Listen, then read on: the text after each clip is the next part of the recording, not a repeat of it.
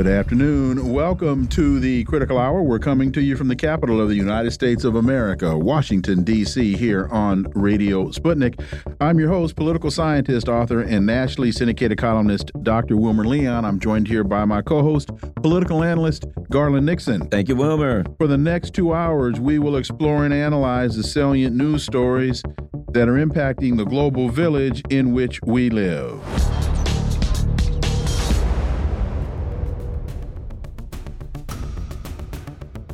Sputnik reports madness. Macron ripped for not ruling out sending troops to Ukraine. As Paris hosted a meeting where members of the EU and NATO discussed the situation in Ukraine, announcing new measures to deliver munitions to the Kiev regime, French President Macron said that sending Western ground troops to Ukraine is a possible option. For insight into this, we turn to our first guest. He holds the John J. and Rebecca Moores Chair of History and African American Studies at the University of Houston. He's one of the most prolific writers of our time. His latest books are entitled I Dare Say, a Gerald Horne reader, and Acknowledging Radical Histories. Dr. Gerald Horne, as always, welcome back. Thank you for inviting me. Quote, there is no consensus today to send in official endorsed manner troops on the ground. But in terms of dynamics, nothing can be ruled out, Macron said, adding, We will do everything that we must so that Russia does not win. End quote. Dr. Horne, is this a depopulation campaign that Macron is championing or just more dangerous rhetoric? Because by all measures, by the analysts that I talk to, when he says Russia can't win, they've already won. Dr. Gerald Horne. Well, I think this has to be taken very seriously because I think what's happening is that the North Atlantic capitalist countries find themselves in a bind. They find themselves cornered. They made an ill advised wager with regard to this taper in Ukraine, assuming, as Mr. Biden once said, that the ruble would be converted to rubble in a matter of weeks following the Russian uh, special military oper- operation of two odd years ago. But obviously, the ruble has not turned into rubble. In fact, what we're witnessing right now, and this has to be focused on, is a major shift in the global correlation of forces because what's happened is that Russia, under siege by the NATO countries, and reference here the article in the Sunday New York Times that pointed out that at least since 2014, and I would argue before 2014, the CIA of the United States has operated about a dozen bases on the Ukraine Russian border chance with destabilizing Moscow. And in fact, there was spillover in terms of using Ukrainians to try to destabilize socialist Cuba as well. But with all of that energy and all of that misadventure, we see that it is coming to a screeching halt with regard to what's happening on the battlefield. And Europe finally has to face up to a reality it has ignored for centuries. I'm pointing to the fact that if you look at the demographics of the old continent, it's apparent that Russia is destined to be the major power on that continent. It has a population of about 150 million. Number two, Germany, 82 million. It is blessed and endowed with natural resources too numerous to mention, including oil, natural gas, uh, etc. And as well, Russia serves as the bridge between what is now the most affluent continent, speaking of the European Union, with a market of over 500 million, and of course, the People's Republic of China, with a population of 1.4 billion. And the changing correlation of forces that has been forced by the Ukrainian misadventure has Russia now turning towards an embrace of China with all of its resources, in fact. And so we see that the cheap Russian energy that helped to fuel the German economy is now going into China. And therefore, you see that German corporations, per the rules and regulations of the so called free market, are now moving entire enterprises away from Germany and into China, and in fact, into the United States of America too, which of course uh, has a certain uh, quota of uh, natural resources and energy as well. And so this has led to a fair amount of hysteria, as reflected in the ill advised comments of President Macron. You see that hysteria today on the website of the New York Times, which predicts that the Chinese uh, electric vehicle manufacturer, BYD, which, by the way, has as a major investor uh, U.S. Uh, Oracle of Omaha, speaking of Warren Buffett, that it is poised to eat the lunch not only of Tesla, which, by the way, manufactures in China as well, but also the legacy auto manufacturers, including uh, Ford and General Motors. And so we see that the world is changing rapidly. And as a result, the capitalist countries are panicking. There's even this loose talk about seizing Russian assets that are found in the North Atlantic countries, which obviously will lead not only to tit for tat measures, that is to say, Russia seizing European and North Atlantic assets found on their territory, but it'll also go a long way to making illegitimate the use of the US dollar as a major reserve currency because if I'm in Saudi Arabia, I have to believe that the, the anti Saudi and Islamophobic sentiment could lead to a seizure of Saudi assets in the North Atlantic countries as well.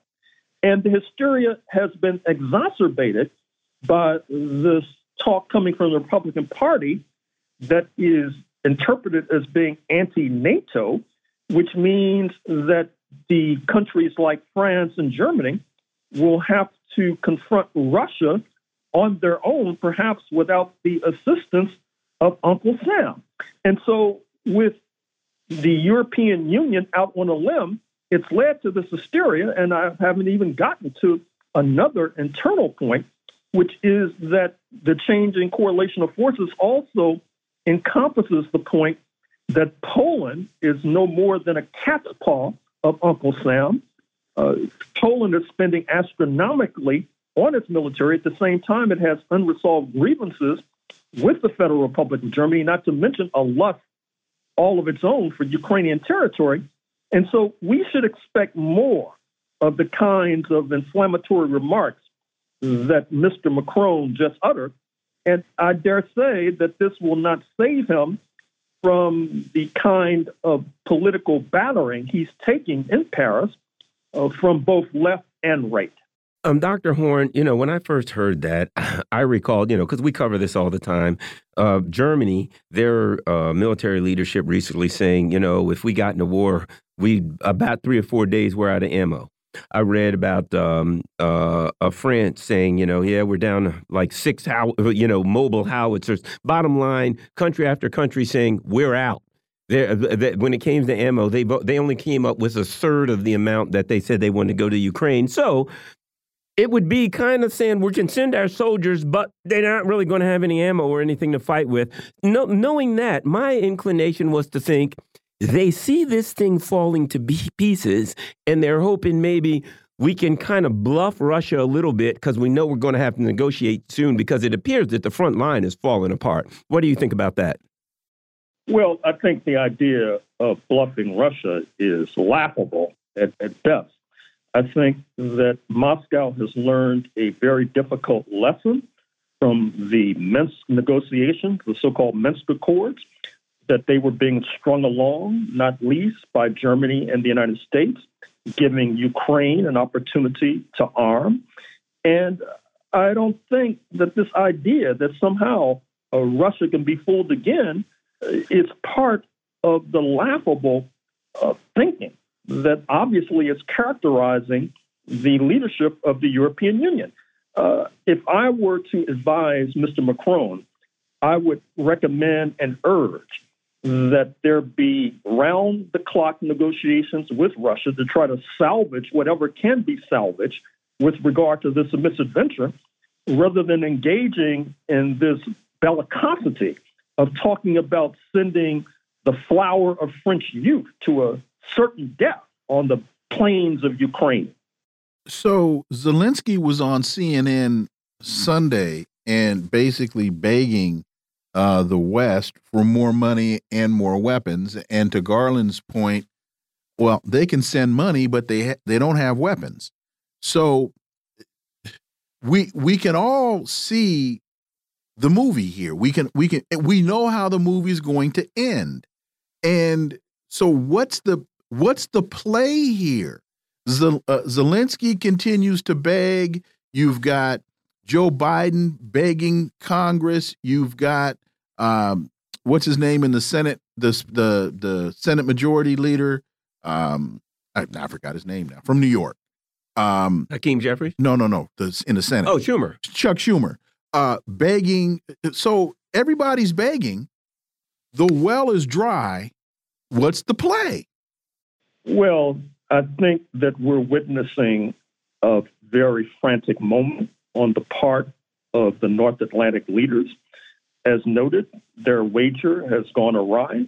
You saw a glimpse of that in the Munich Security Conference just concluding in Germany, where you saw the arrival not only of Vice President Harris, but also of Senator J.D. Vance of Ohio, and as well the leader of Ukraine, Mr. Zelensky, and it was left to the Republican J.D. Vance to break the sobering news that it was unclear if the United States would be able to fund the Ukrainian caper uh, much longer.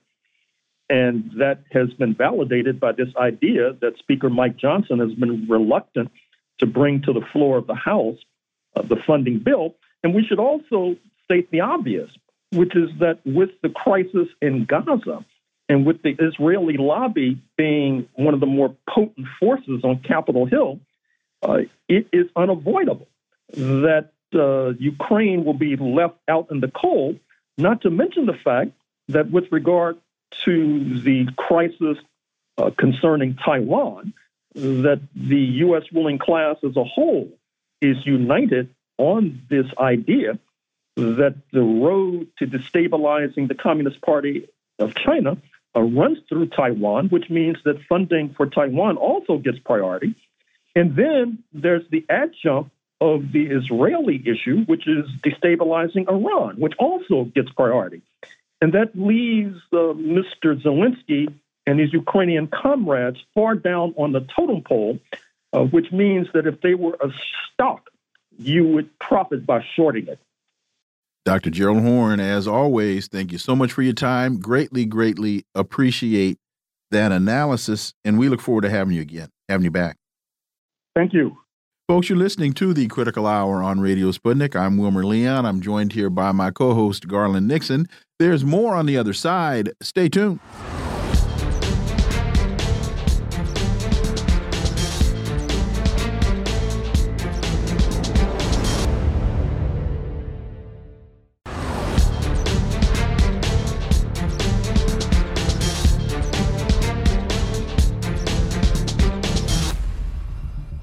We are back, and you're listening to the Critical Hour on Radio Sputnik. I'm Wilmer Leon, joined here by my co host, Garland Nixon. Thank you, Wilmer. Sputnik reports Zelensky downplays Ukrainian losses to wheedle more money out of West. Ukrainian President Volodymyr Zelensky claimed that just 31,000 troops had been killed since the beginning of Russia's special military operation. Are these numbers realistic? And what's behind Zelensky's assessment? Well, for insight, let's turn to our next guest. He's an American citizen living in Crimea. He's a filmmaker and documentarian, Regis Tremblay. As always, Regis, welcome back. Thank you. It's always a pleasure to join you. So, speaking to CNN on Sunday, Zelensky again begged his Western backers for more money and weapons. Quote, whether Ukraine will lose is dependent on you, our partners, the Western world. We will not lose this war if we get the weapons. we will win. Well, he's already lost. So, Regis, how is this playing in Crimea and in the rest of the region? Well, first of all, I think Zelensky and his gangsters surrounding him, including their Secret Service and top people, perhaps in the military, uh, are downplaying the tremendous loss of soldiers, not to wheedle more money out of the West, but to save their own skins. Unfortunately, I think the majority of the Iranian, Ukrainian people are beginning to realize and have realized how costly this has been. They have lost tens of thousands of civilians. Russia claims that just since the counteroffensive last summer, 160,000 Ukrainians have been killed, with thousands of tanks and howitzers and military equipment destroyed. There are some who insist such as Colonel Douglas Macgregor and Scott Ritter, that the total of killed in action and wounded is approaching 500,000 or more. Now, I think Zelensky is desperate. If he doesn't get that money, there's no funding for his government. America is funding his entire government and the pension plan. Much of that money is not even going directly to Ukraine. It's funneled back to the military industrial complex to manufacture more weapons of war. In addition to that, it's been very well documented and reported. Corruption in Ukraine is the worst in the world, and much of that money has been funneled back to Zelensky, his neo Nazi gangsters, and even back to operatives in the United States. And so this is a very desperate play by Zelensky to save his butt and to get more funding to keep him afloat. Uh, additionally, the big talk now is, and we've got an article here Slovakia says some NATO members are considering sending troops to Ukraine. Now, um, Macron comes out and says that. Um, a number of people come out and say, no, no, no, that's not happening. Certainly, we've covered that NATO, I mean, if they sent the troops, they wouldn't have any ammo because they're kind of sent everything to Ukraine. It's already been blown up. Your thoughts on why Macron would be and why be, this kind of talk would be coming out at a time, let me add this, when Europe is so unstable, the farmers are in the streets, the people are unhappy. They're at, they can't even send ammo to Ukraine, much less arm their own troops if they were to send them in. What are your thoughts on this? Well, my thoughts are precisely what I was suggesting about Ukraine.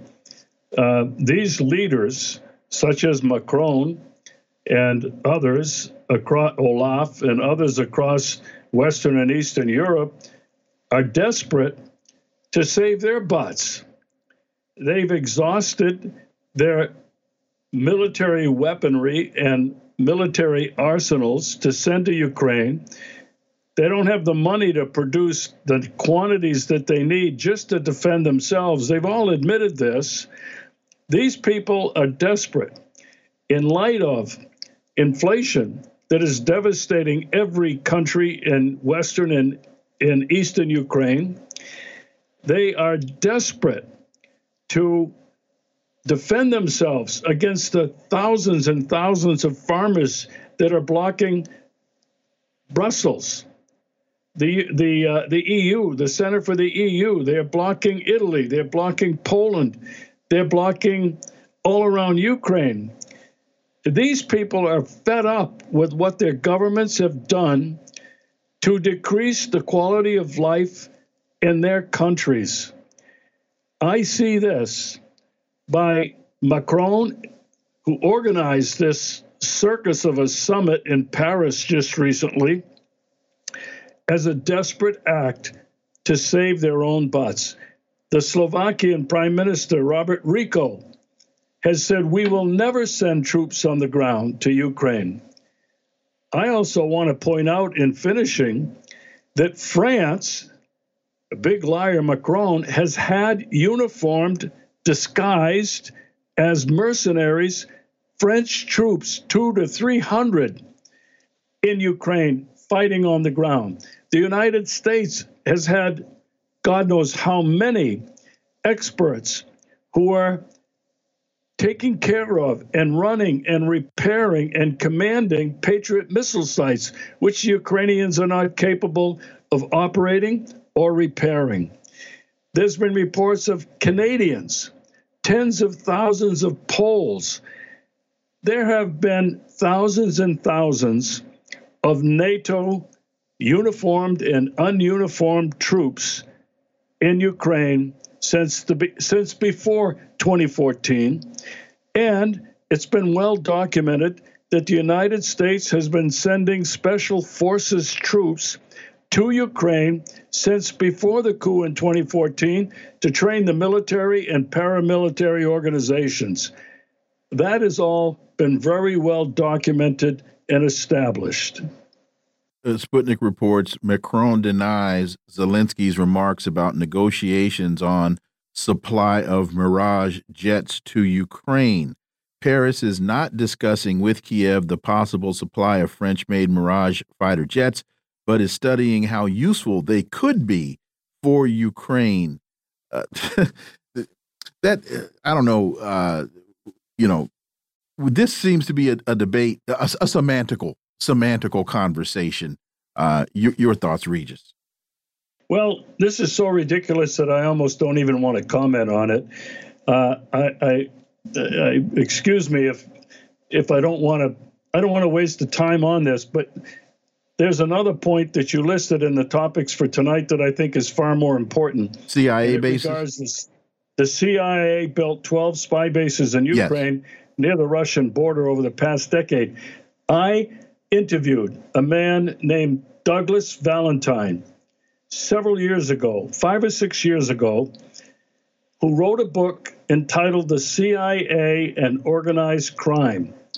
I was so afraid to publish those interviews because of retaliation, and I didn't publish them until after I came to Russia in March of 2020. There's one section in in the two-part interviews where Douglas Valentine documented the CIA's involvement in Ukraine since 1947, after the end of World War II. And they cultivated sleeper cells all over Europe, all over Ukraine, in an effort to take down Russia. The CIA, with its many spy bases, and military operatives in Ukraine were also involved in the Maidan of 2014. They were involved in training these neo Nazi militias like Azov Battalion. They have been cultivating businessmen and politicians, not only in Ukraine, but all across Western and Eastern Ukraine. Why? To take down Russia. This is a very important story that was reported in antiwar.com that the US has, that CIA has spy bases in Ukraine all around Russia's border. Um, this has been well known and documented for the last 78 years.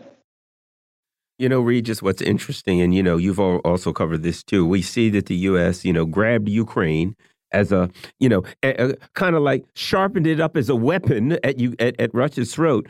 That 46 uh, uh, so-called uh, what was it? Um, uh, um, uh, biological bio, bio research, as they said, sites, um, spy bases all over the place. It was obvious that they took Ukraine and they said, "We're going to use this thing. We'll put bio research labs. We'll put um, uh, twelve. They say twelve spy bases, probably many more. That the, the the whole country of Ukraine was used by the United States. And if you look at the economy of Ukraine, starting in, in 20, say from 2013 till now, it was straight downhill. The people and the lives of the people in Ukraine was totally disregarded. Their li their their their um, way of living, everything was kind of wiped out. They got poorer and poorer. And the U.S. just used their country and disregarded the people there. And I think at some point that's going to explode, and the people of Ukraine at some point are going to recognize that they've been had. And, and don't forget the pharmaceutical testing yes. that's, that was done on Ukrainian citizens in mental institutions. Yes. Your thoughts, Regis? Well, uh, all I can say is ditto to all of that, and ditto to the fact that the United States, throughout its entire history, has cared nothing for the lives of the original peoples in the United States uh, since the arrival of the white European colonialists. It's been that way for over 300 years. We see it everywhere we look in the world today a complete disregard for the sovereignty of other countries and for human life. I've read somewhere recently that since World War II, just since World War II, the United States has been responsible for what I call the murder of over 21 million innocent people around the world. That's what we're dealing with today. And I, I would like to end with this. I think what we're seeing is the epic battle for control of the future order of the world and recognizing desperately that these people who are behind it are losing this epic battle for control. Are they crazy enough? Are they evil enough to take the whole world down with them in a nuclear Armageddon? Putting all of this together, connecting the dots, I believe we're that close. As we get out, the title of the story that was in uh, antiwar.com came from the New York Times. The Spy War How the CIA Secretly Helps Ukraine Fight Putin. For more than a decade, the U.S. has nurtured a secret intelligence partnership with Ukraine that is now critical for both countries in countering Russia. Understanding the reality on the ground, Regis, as we we got one minute, what do you? What's the purpose of this story? Well, um, I I think the purpose of that story uh, is to further the narrative of the U.S. and Western, and I have to add MI6 mm-hmm. attempts to take down Russia. It just underscores everything Joseph Biden has been saying, Anthony Blinken, uh, Sullivan, Kirby, Austin the goal of the United States, using all of its power, including economic, is to number one, destabilize Russia, take down Putin, and balkanize the country in order to steal its resources. That's what this whole thing is all about. Regis Tremblay, as always, thank you so much for your time. Greatly, greatly appreciate that analysis, and we look forward to having you back. Thank you so much for having me. Folks, you are listening to the Critical Hour on Radio Sputnik. I'm Wilmer Leon. I'm joined here by my co host, Garland Nixon. There's more on the other side. Stay tuned.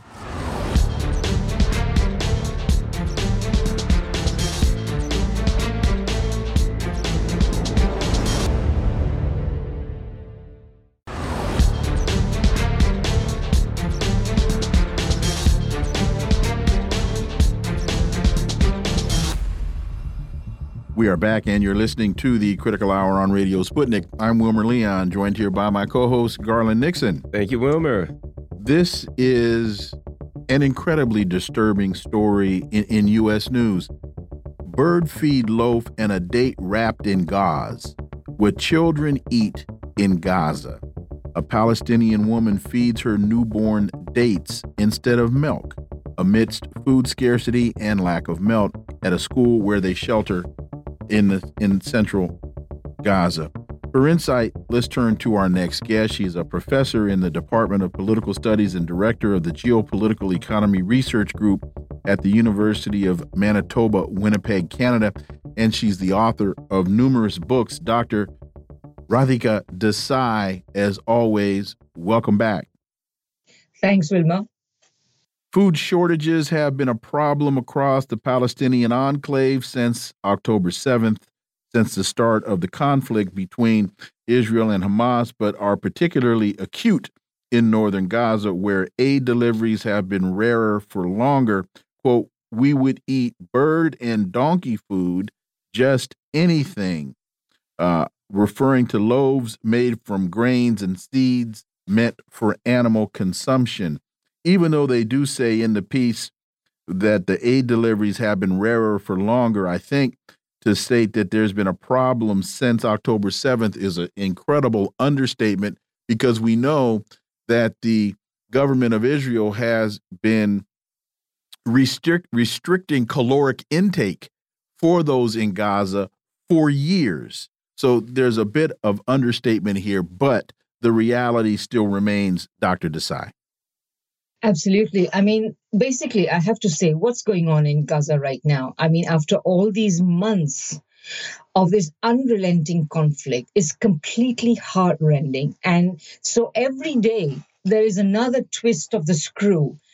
Of course, for us who are not there, it's only our hearts that are being rendered. Whereas there, its entire bodies and hearts and spirits and everything of people that is being absolutely crushed more and more with ever heavier weights every day. So uh, uh, you know uh, uh, uh you you so to, to, to read this um, is this just one further description of what happens. One has also been reading that in northern Gaza, in particular, when um, there is any kind of the rare food deliveries, end up being attacked because people are so desperate, not because they are bad, not because they are evil, just because this situation that Israel has created has put people in a position where they they have to get what they can in order to take it home to those who they love, etc. And this is the position to which we have reduced humanity in the 21st century.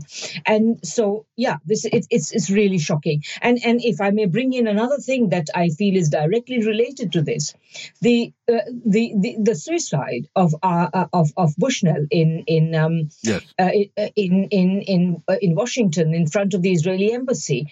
I mean, people are trying to make him out as though he's some sort of a weirdo, you know, a, a crazy person, etc. He has done he's a, he has actually done what a lot of people are thinking i'm not trying to you know suggest that everybody is thinking of suicide but i have no doubt that many people are thinking when they watch the scenes in gaza what but what moral right do i have to live and you know there is an old saying you know society creates the crime or in this case the the, the sadness and um, chance creates the criminal, or in this case, the suicide. So it is, you know, when the, this feeling is there all around us. So, so actually, when I read about Bushnell, he was a perfectly rational guy. He was had been an anarchist. He had been something of a Christian, sort of, you know, nice sort of Christian, charitable sort of Christian. He had also uh, experimented with various sort of socialist views. And I'm reading that he was expecting to leave the army in May and saying that he was going to just get a job that would allow him to live so that he could continue his social, his activism.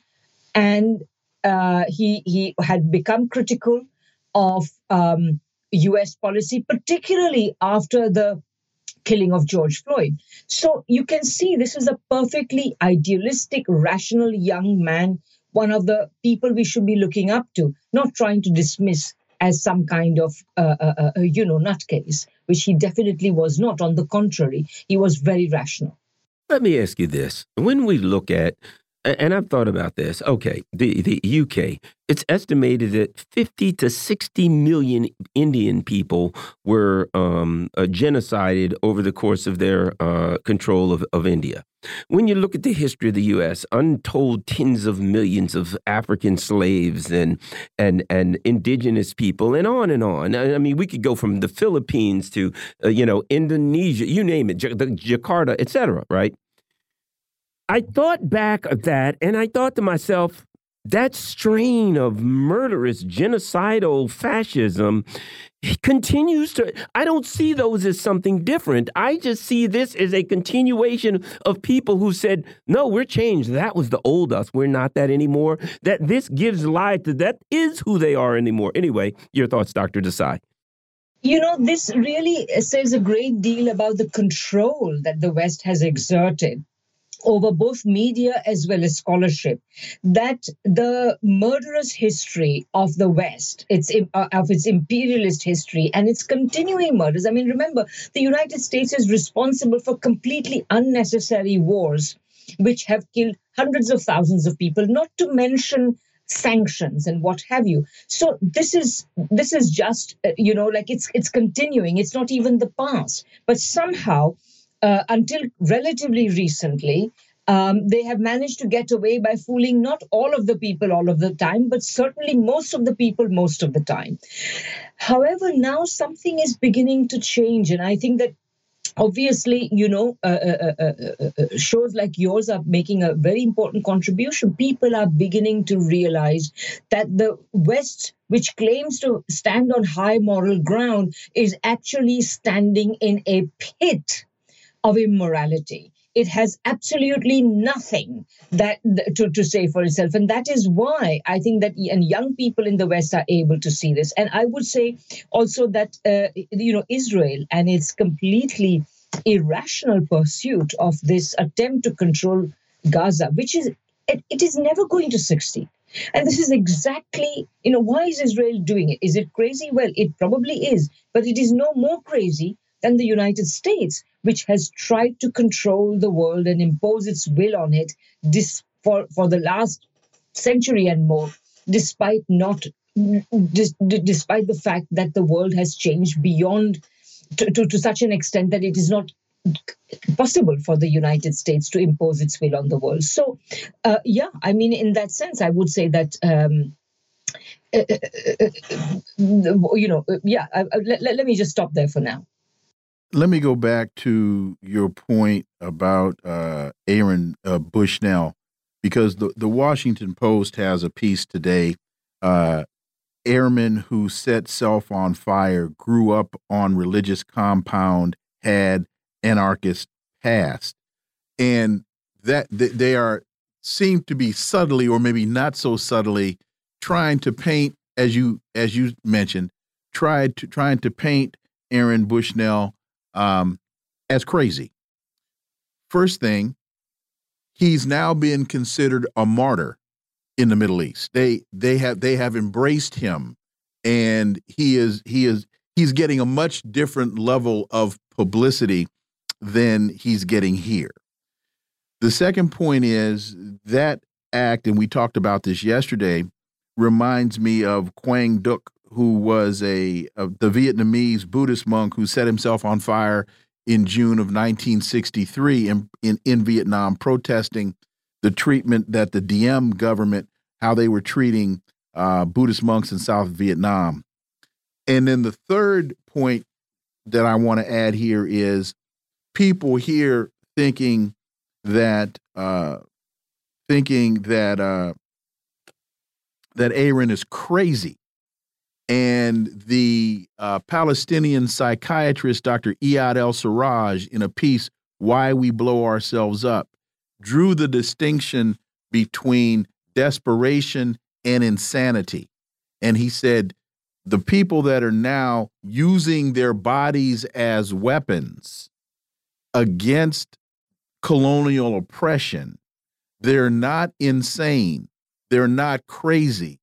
They're desperate and people in the West have no idea what it takes to push someone to that level. Your thoughts? Uh, again, uh, I, I, would say, yeah, I am not at all surprised that uh, Bushnell is being treated as a martyr. I think that, you know, in a certain sense, I think that he has shown his humanity by saying that I cannot stand by uh, and watch while so many fellow human beings are being tortured to such an extreme degree. So, in that sense, he's actually recovered something that we all have at the core of our being, but which is then overlain by all sorts of Western discourses. So I think it, he has cut through the Western discourses that invite all people in the West, no matter what their color or whatever, to participate in a sense of Western superiority. And he has said, no, I'm not part of that West. I'm part of this other world which you are oppressing and against whom I know I cannot I cannot stop you, but I can at least register my protest. And exactly as you know, as you say, uh, the Buddhist monk uh, uh, in Vietnam, but there have been other instances. You know that in December, a woman also burnt herself outside the Israeli embassy, and she was she had about her a Palestinian flag. It was very clear what she was doing. Perhaps she did not do it as effectively as uh, Aaron Bushnell did, but anyway, perhaps Aaron thought, okay, I need to do something like that and I need to do it more effectively. So yeah, I mean, uh, uh, so so so all of these points, and and and I would say that uh, I also agree with the Israeli psychiatrists. Of course, Aaron is the rational person, and WAPO and other outfits that are trying to portray him as crazy are actually simply trying to essentially lure us back into that irrationality in which we somehow uh, must exist in order to continue living, in order to continue witnessing this and not do anything. As I say, there are around the world hundreds of thousands of people going to demonstrate every week against the war in Gaza, against Israel's assault on Gaza. They're going doing this every week. They are going there every day. They not, nothing is changing. Although I have to say, by the way, we are hearing that there may be some some uh, resolution. President Biden, while eating ice cream, what an obscene, what an obscene scenario is saying that maybe there will be uh, a, a, a, a, ceasefire next week while people are, like you say, are eating bird food and and and, and horse food. Uh, yeah, I mean, this is a this is a this is the world in which we live, and I think anyone who participates in the insanity of the ruling classes is the insane person. It is the rest of us who are at least questioning it, who are the sane people. And we will will have to see. It, I think it'll be very telling uh, if, in fact, a ceasefire is reached next week, because some from the region are telling me that, in spite of Biden's comments, Biden and the United States, Blinken and et al., are talking to the wrong people. That they're they're in Qatar talking to the to uh, to the Palestinian to the Palestine Authority. They're talking to Mahmoud Abbas. And as far as Hamas is concerned, as far as Hezbollah is concerned, as far as the other Palestinians that are the grist for the mill, they aren't in, they aren't involved in that conversation. And whatever whatever uh, Abbas is able to agree to will carry no weight. Y your thoughts as we get out. So, so yeah, let me just I mean, let me just quickly I, say. So I, I say all that to say it'll be interesting to see if, in fact, something actually does come out of the conversations that are being held uh, in. I think they're in Qatar right now.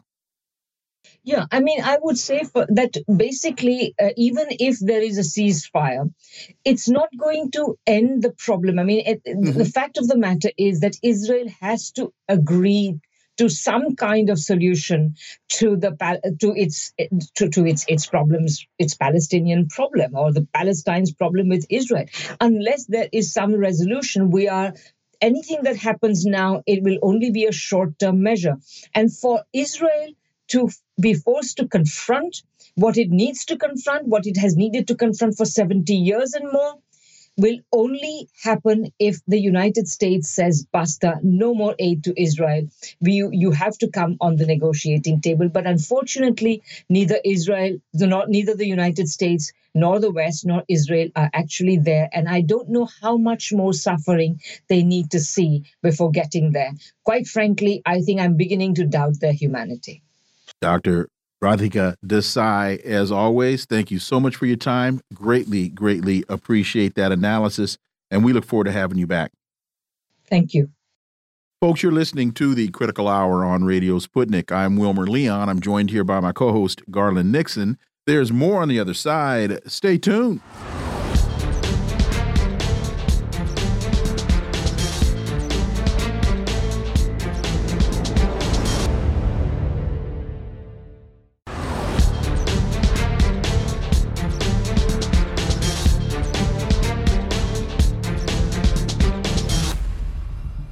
We are back, and you're listening to the Critical Hour on Radio Sputnik. I'm Wilmer Leon, joined here by my co host, Garland Nixon. Thank you, Wilmer. Michael Moore says Michigan is, quote unquote, uncommitted. His campaign can send Biden a vital message about Gaza. Michael Moore, Beto O'Rourke, and dozens of Michigan elected officials are calling for an uncommitted vote today in a push for a ceasefire. For insight into this, let's turn to our next guest. He's an independent journalist whose work can be found at Substack and thepolemicist.net, Dr. Jim Kavanagh. As always, Jim, welcome back. Thank you for having me.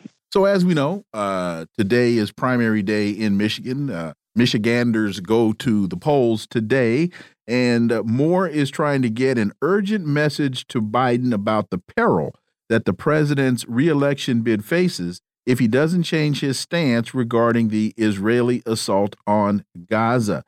Uh, your thoughts, Dr. Jim Kavanagh?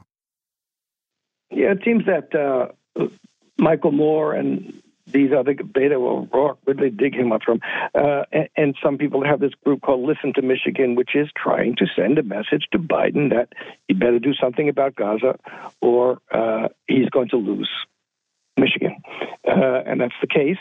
And they're being, you know, more at the end of the day trying to get trying to get Biden in some place where people, especially the Arab Americans in Michigan and progressive people and people who are opposed to genocide and ethnic cleansing, will vote for him in November. That's really what they're doing here. They're they're they're latching on to the uh, to the anti-Biden wave in Michigan and trying to kind of steer it in a way that it will not.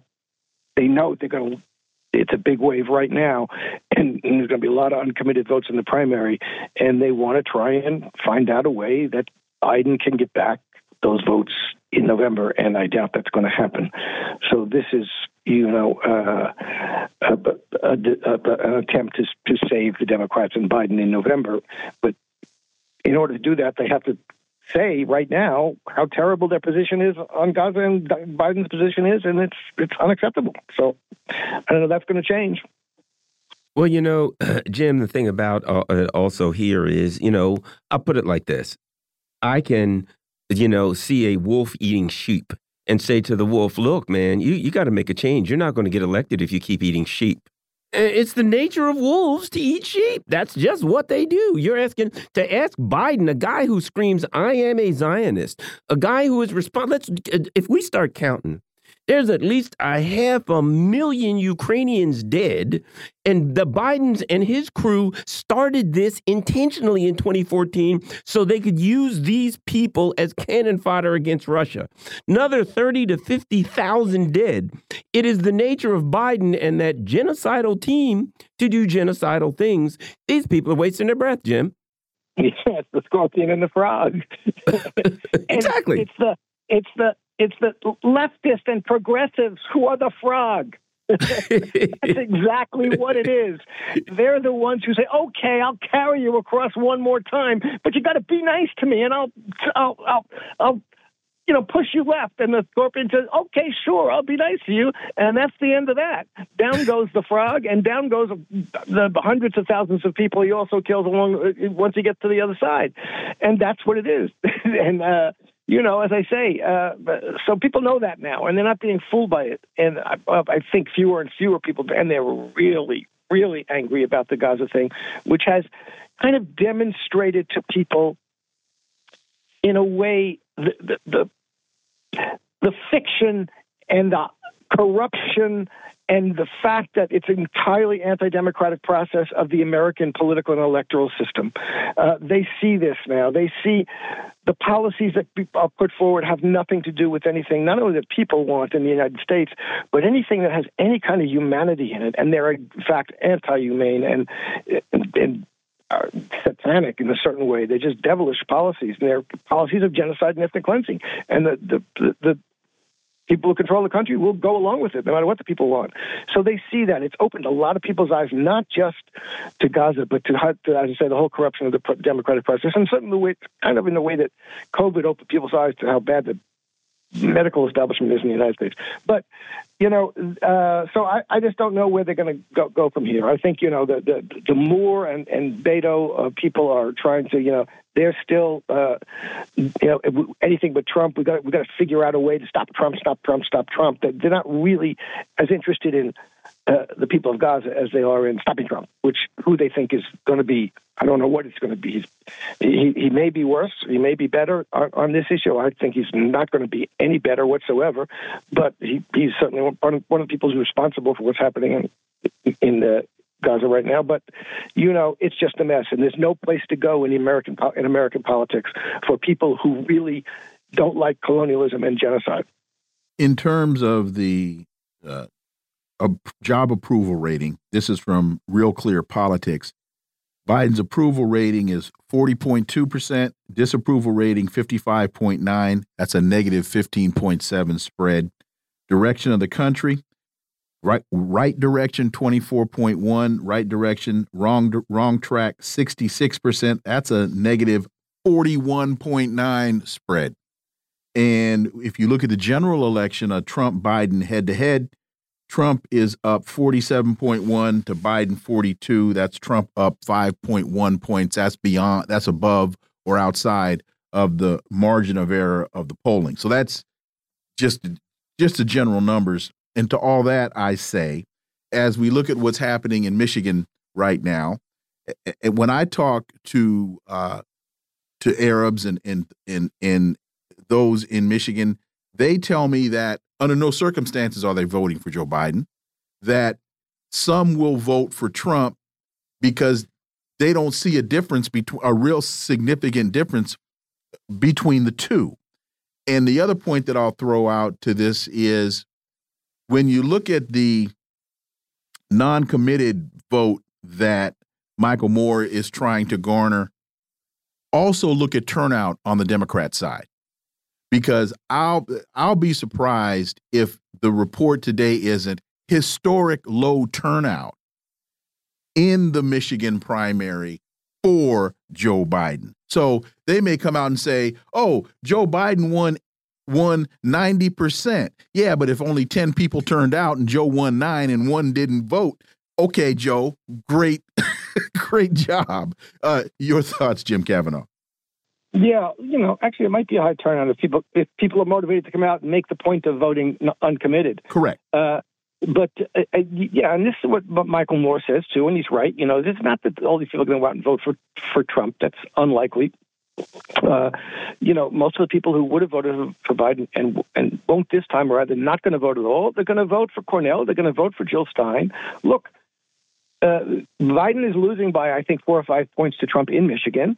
Okay, and, uh, you know, Trump is getting like over 20% of the black vote in polls now and up to 50% of the Latino vote. I mean, it doesn't make any difference uh, where the other 75% of the black vote or other 50% of the Latino vote go, you know, uh, if they don't go to Joe Biden, 100%. In fact, we can't win with if, if, Joe, if Trump gets 26% of the black vote, Biden can't win.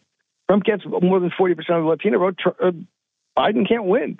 So this is a problem. And, uh, you know, th- these communities say, you know, Joe Biden done more damage to the African American people in the United States than uh, uh there's nobody's done more damage with his crime bills, you know. And uh, uh, so uh, people say, we've had you as a president and we see what you've done for us, which is pretty much nothing. We've had Trump as a president. We see what he's done for us, which is pretty much nothing. you know, so although he did do that first strike the, the, the act which reduced the sentences of the people that were in Joe Biden's crime bill. So you know, and we see what you're going to do in the in the wars around the world, which is pretty much keep on going. And uh, even Trump wants to wanted to stop the war, he couldn't, and he didn't. So you know, we're just going to stay home. But we're going to vote for Jill Stein or uh, Cornel, and Biden is not going to win. Uh, Trump has some uh, a following that's enthusiastic about him. He has a hardcore of enthusiastic followers. Biden doesn't have any enthusiastic followers. Nobody really believes anybody who says that is lying. I mean, he just they're just saying he's better than Trump. He's anybody but Trump. That's really their own their only uh, argument. So, you know, I, I think Joe Biden is an enthusiastic follower. Who? Jill, his wife. Even his dogs don't like him because they bite. Yeah. hey, Jim, we only got about a minute or so left. Um, coattails. How bad does this hurt the Democrats down um, down ballot in the general?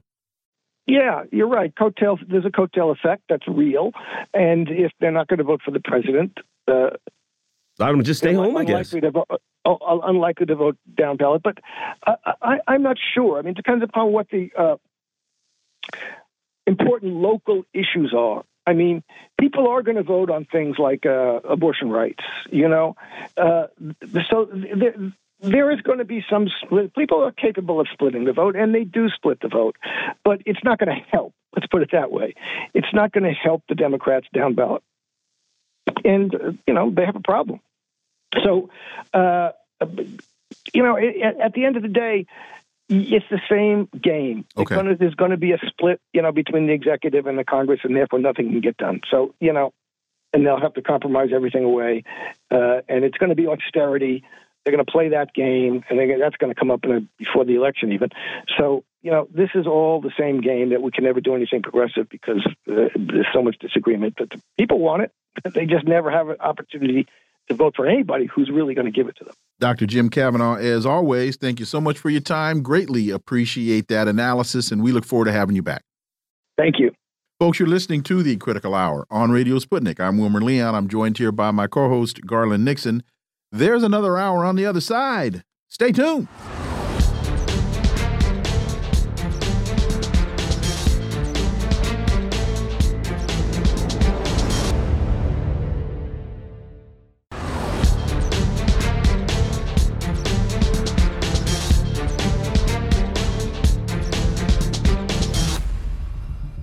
We are back, and you're listening to the Critical Hour on Radio Sputnik. I'm Wilmer Leon, joined here by my co host, Garland Nixon. Thank you, Wilmer. RT reports Kremlin reacts to Macron's remarks on NATO troops in Ukraine. A direct war with the U.S. led bloc seems inevitable once it puts boots on the ground. This is according to Russian spokesman Dmitry Peskov. For insight into this, let's turn to our next guest. He's a Moscow based international relations and security analyst, Mark Sleboda. As always, Mark, welcome back. Dr. Leon Garland, thanks for having me. It's always an honor and a pleasure to be on the critical hour. So, RT continues a direct conflict between Russia and NATO will likely become inevitable if member states of the U.S. led military bloc send troops to Ukraine, according to Peskov.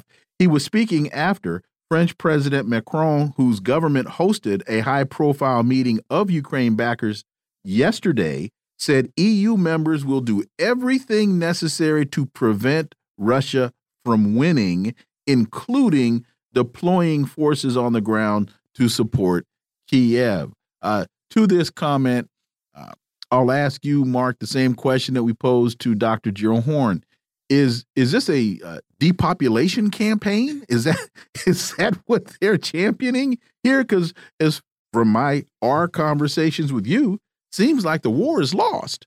Mark Sleboda. Um, I mean, when you consider that this is a war of attrition, and you consider what it takes to build national combat power, right? Uh, particularly for an artillery heavy war of attrition. Like, yes, yes, it is clear that the trend of the war is definitely in Russia's favor. It is clear that the by their own reporting that the NATO countries that patron uh, the regime in Kiev are unable to supply the necessary amount of uh, ammunition artillery shells, armaments that are necessary, that that are useful to the regime, that uh, uh, are required for it to sustain combat uh, in the long term.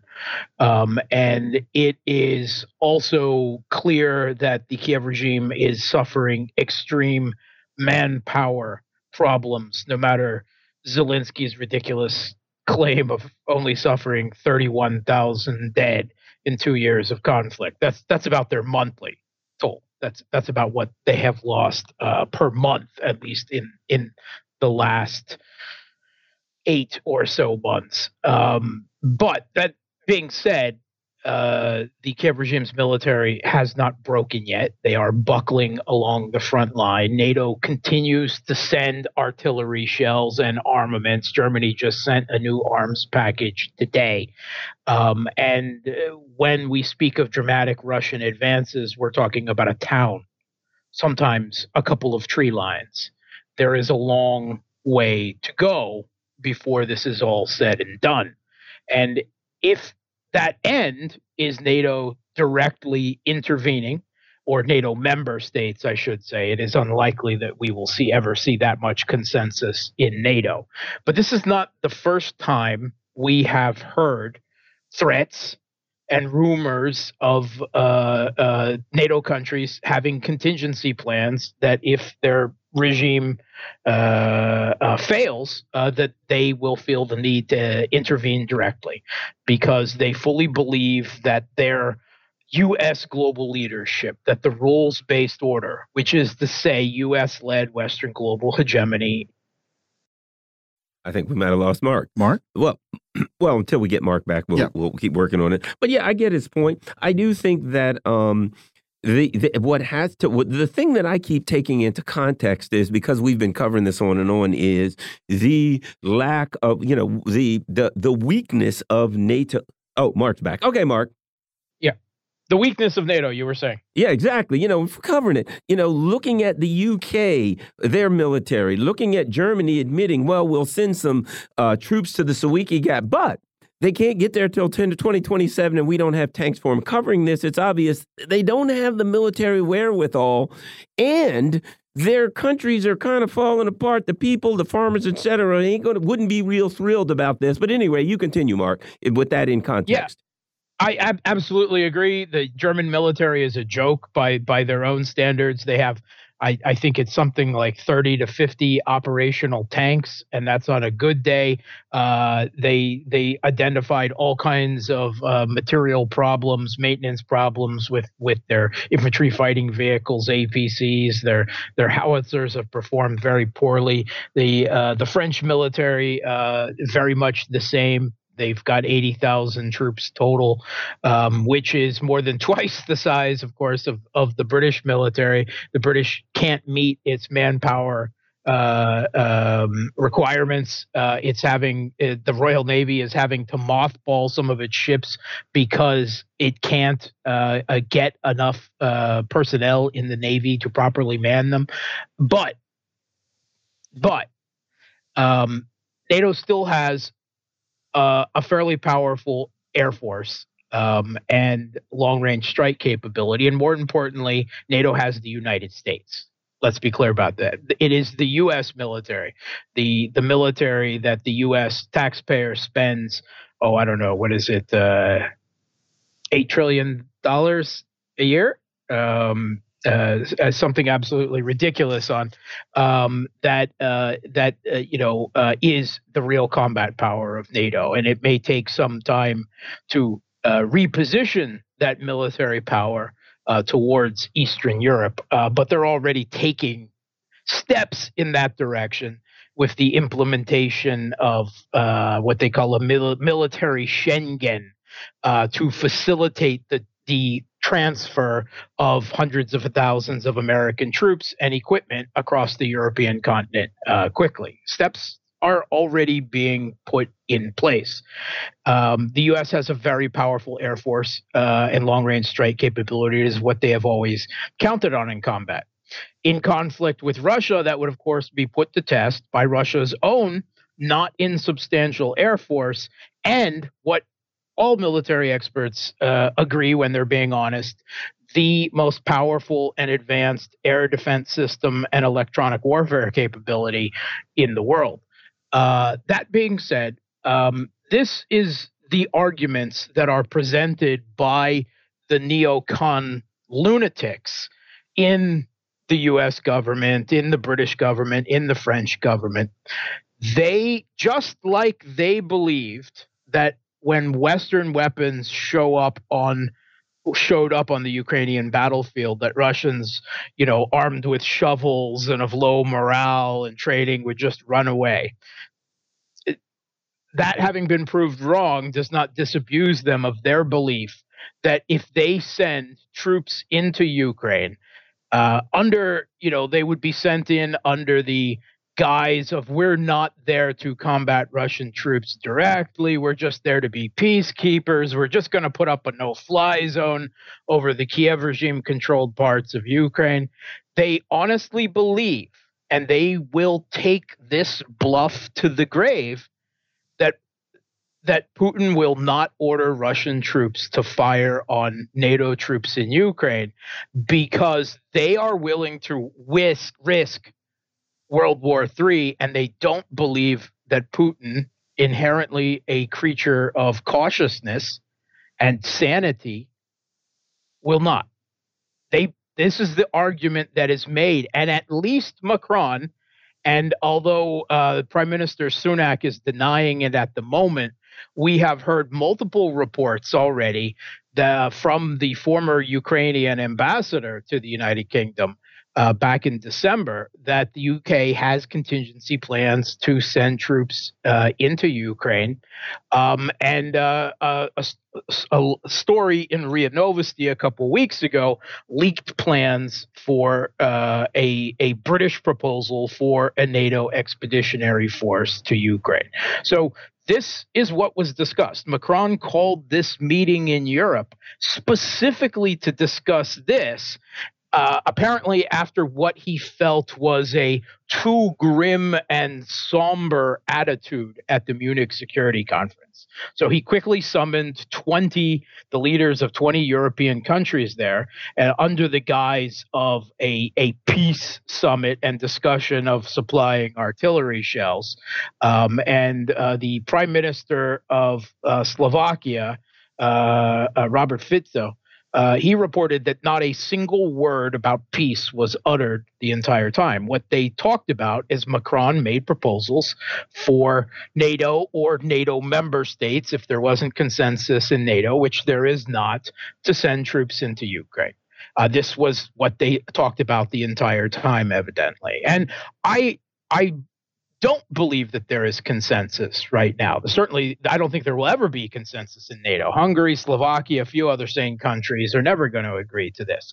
But there are enough countries that will to fill out a coalition of the willing, maybe not now, but somewhere down the line. And Macron made this point that at the beginning of the conflict, European countries, even the United States, was very loath to supply levels of, of military uh, uh, aid to Ukraine. I remember Joe Biden back in February of 2022 saying that the U.S. could never send tanks or missiles to Ukraine because that would mean World War III.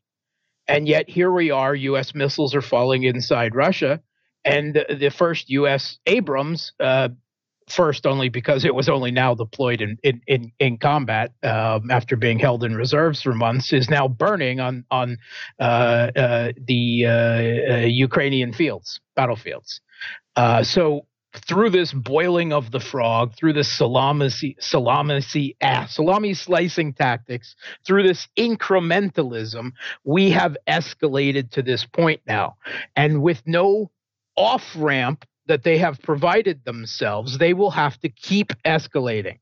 What happens when Russia continues to advance on the battlefield? When the F 16s are provided and don't change the battlefield at all? When Germany gives in eventually and delivers the Taurus and that doesn't change things either? And Macron feels, and I believe he's probably right, that as desperation and panic grows, somewhere down, down the line, Maybe when Russia is moving on Kharkov, maybe not until they are targeting Kiev, but somewhere down the line, he believes that NATO, the rest of NATO countries will, or, or at least some of them, will join him and send troops into Ukraine because Russia must not have victory. NATO must win this conflict. And I think he's probably right on this. I think that that's pretty much the end game. In fact, I was talking about it on my own uh, YouTube channel uh, uh, back in the summer of 2022, because that is where the inevitable logic, considering the political and geopolitical position that the U.S. and the rest uh, of NATO have put themselves in without the ability to back down. as we get out, you mentioned a little earlier that those in the EU, you might even you they see that, that their, their logic is that President Putin is cautious and he is deliberate and and sane. And, and correct. Uh, now I don't I don't know the man, never met him, never talked to him, don't know him from Buddha House Cat, but I have listened to him, and I have uh, found him to be very clear, and he seems also to deliver on what he what he promises. And when he says, "When I feel that my country is being threatened, I will defend it."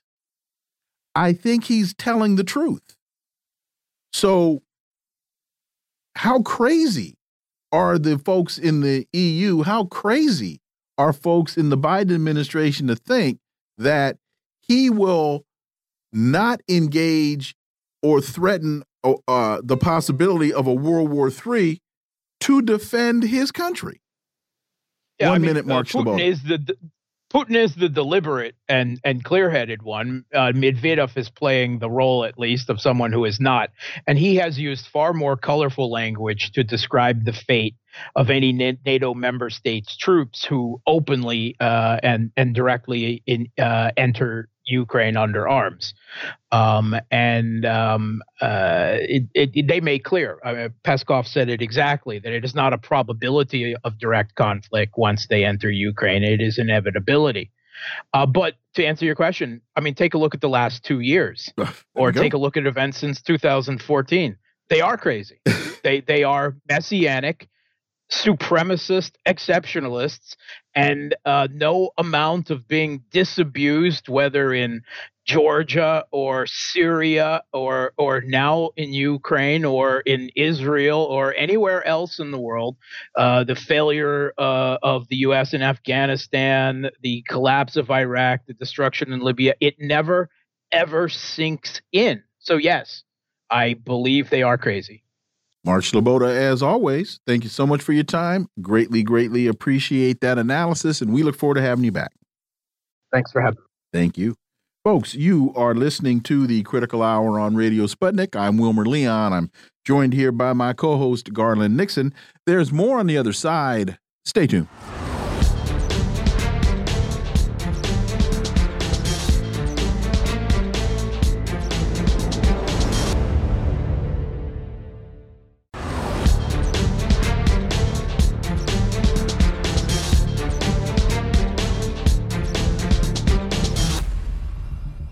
We are back, and you're listening to the Critical Hour on Radio Sputnik. I'm Wilmer Leon, joined here by my co host, Garland Nixon. Thank you, Wilmer. Biden, Trump, and Haley competing in today's Michigan primaries. Democrats and Republicans are competing in today's presidential primaries in Michigan. On the Democratic side, Biden is expected to prevail, but is facing pushback from Arab and Muslim groups urging votes for uncommitted rather than Biden. On the Republican side, Trump is expected to win over uh, his last remaining challenger, Nikki Haley. For insight into this, we turn to our next guest. She's a political commentator and podcaster and host of the Misty Winston Show in Garland. The psychic in me tells me it's Misty Winston. You are correct, sir. Well done. Once again, well Carnac, Carnac lives. That's probably a little older than you, Misty, but Carnac lives. Um, so, Michael Moore, along with many of Michigan's most prominent Democrats, he's advocating for voters in today's primary to pass over Biden's name and instead cast ballots for the uncommitted option that Michigan uh, allows vote, voters to support. So, uh, th there are a couple signals that I take away from this. One is uh, that uncommitted box, the that result will be incredibly intriguing uh, to get a sense of whether Michael Moore and Beto O'Rourke and some of the others that are on this campaign, whether they actually have any leverage. That will be that'll be a, a, a, an important signal to watch. The other, though, to me, and I think this is more important on the Democrat side, is turnout, because I've been saying for a very long time, a lot of folks are going to uh, in Michigan I'd uh, well, in other parts of the country, I'd say they're going to stay home and rake leaves. In Michigan, they're going to stay home and shovel snow. Misty Winston. yes, they will be. Although in, I'm in Ohio, not too far away from Michigan and from it's Michigan, about 78 like, degrees today. Yes, it's very warm. I love every second of it. Although we are getting storms too, and there's a potential for some tornadoes, so that's not always nice. But okay. it is supposed to be nice for the next week or so. But yes, you are absolutely correct. I think that um, there's uh, I um, as you both know, I'm not super interested in electoral politics. I don't think it's really a, a change maker, but I do think that this is super interesting because, um, as you just mentioned, there's a couple different things to look at here, and the uncommitted thing I think is um, uh, I, I, think that we need the, the one thing that we need to pay attention to is that I think that what this signifies is that a vast majority of the American public is now starting to look past the two party duopoly. And I think that that is really, really, really important. And I think what that also, what we also need to uh, uh, take a look at and how that plays out is that as we've seen in recent polling, I mean, even just as, uh, as early as January, foreign policy has really gained importance among voters. I mean, they've been talking to voters about foreign policy, and generally speaking, that isn't really uh, one of the higher uh, ranked things that people are concerned with. Um, but we've seen uh, in the January poll, 46% of Republicans Republicans named it, which was up, that's up 23% from last year. And 34% of Democrats listed it, which is, uh, that's compared to 16% a year ago. So that's a significant increase. And so what I think that that signifies, I hope anyway, um, not just that people are concerned about foreign policy because it is the topic of the day with a genocide taking place in Gaza, but I'm hoping that what that means is that the American public is starting to connect the dots between foreign policy and domestic policy because they are intrinsically connected. Um, and so I'm hoping that that's what that signifies. And I think that that's a, a, a big part of what this uncommitted movement may mean. And I think that Biden has uh, tried to save face in Michigan. It is definitely not going to work as he's continuing to support and fund and aid and um, arm uh, uh, Israel in their genocidal quest against Palestinians. I think that the Arab community there is going to resoundly, and not just the Arab community, I think also other people who find it disgusting. Um, I think that a lot of those people are going to wholly reject Biden and not just Biden, but I think uh, down ticket Democrats as well, which I think is also important. You know, what was interesting. Um, I was watching uh, online, and they were interviewing a, a number of people from um, Dearborn, Michigan, and what they were said because you know, of course, it was a mainstream person, you know, Trump, whatever. And yeah. what they said is, we're thinking long term. Yes. Right. And what's interesting is, you know, I heard something that sounded wise. It sounded like to me, listen to them, that one of the things they're saying is, look, you know, this is the Democratic Party. If this is what it has become, it's of no value to us unless we can change it over the long term. If it's Trump for four years and then they come back and say, we can't have a party unless we go in this direction. They're willing to say over the long term, I'm not just going to look at the next four years. I'm going to try to change this party, or I'm going to be no part of it anyway. Misty. Yeah, no, and I think that that's a great point. I think that people um, uh, now realize how, uh, or maybe I'm being overly optimistic, which is certainly out of character for me. I'm generally a cynic, but I am getting a feel that people are really seeing behind the veil and they're recognizing how the game is played and that both parties essentially work for the same people. They're owned and operated by the exact same donors, and really the agenda doesn't change. The only difference between the two parties is the demographic to which they pander to, and I think people know that now, and so they're recognizing that four years of Trump. Listen, we survived four years of Trump. And I mean, and it wasn't great, but it certainly wasn't as bad as what's happening under Joe Biden. We certainly weren't at threat of uh, nuclear annihilation from multiple different nuclear countries. I mean, it, and I think that not not that that's an endorsement of Trump. Please don't get that mistaken. I do not like Trump. I think he is an awful person and also part of the establishment, as much as they try to pretend that he's not. Um, but I think that uh, uh, really what we need to try to build on uh, with this energy is making sure that people are recognizing the reality of our electoral process, the electoral electoral system. It doesn't matter who you vote for. The system is rigged. And if we want to move past that, we're going to have to either, as you just said, attempt to change it, which I think, frankly, is impossible, or we're going to have to start building on the outside of that. I'm glad you used, particularly speaking to the Democrats, but the Republicans are uh, guilty of this as well, particularly as it relates to the African American community. I'm glad you used the word pandering. Yes. Because that's exactly what yes. they do. Um, and it's very disappointing to sit here and realize that if the outcome in Michigan is as bad as we expect it to be, and you alluded to this in your earlier answer, but I want you to elaborate a little bit. If it's as bad as we expect it to be as it relates to Biden's results, it's not going to bring about any difference in the narrative. It's not going to bring out any it's not going to bring about any difference in Joe's message, which I'm still trying to figure out what that is, uh, because one of the things that the Democrats are just horrific, the two things, messaging and staying on message. They yes. they they they're horrible at this. But it, it's it's it, it's unfortunate. Some of these very very highly paid consultants are not going to look at the data and call Joe and say, "Hey man, we got to change. This ain't working." Misty. Why would they? They control the system. It doesn't matter. I mean, we know that they listen. The Democratic Party walked into a literal court of law and said, "We will do what we want. If we want to go in a back room filled with cigar smoke and choose our nominee that way, there's nothing you can do about it." And they're absolutely correct. So, yeah, I think that. Um, uh, and listen, it's really difficult to be good at messaging and stay on message when you don't have a message.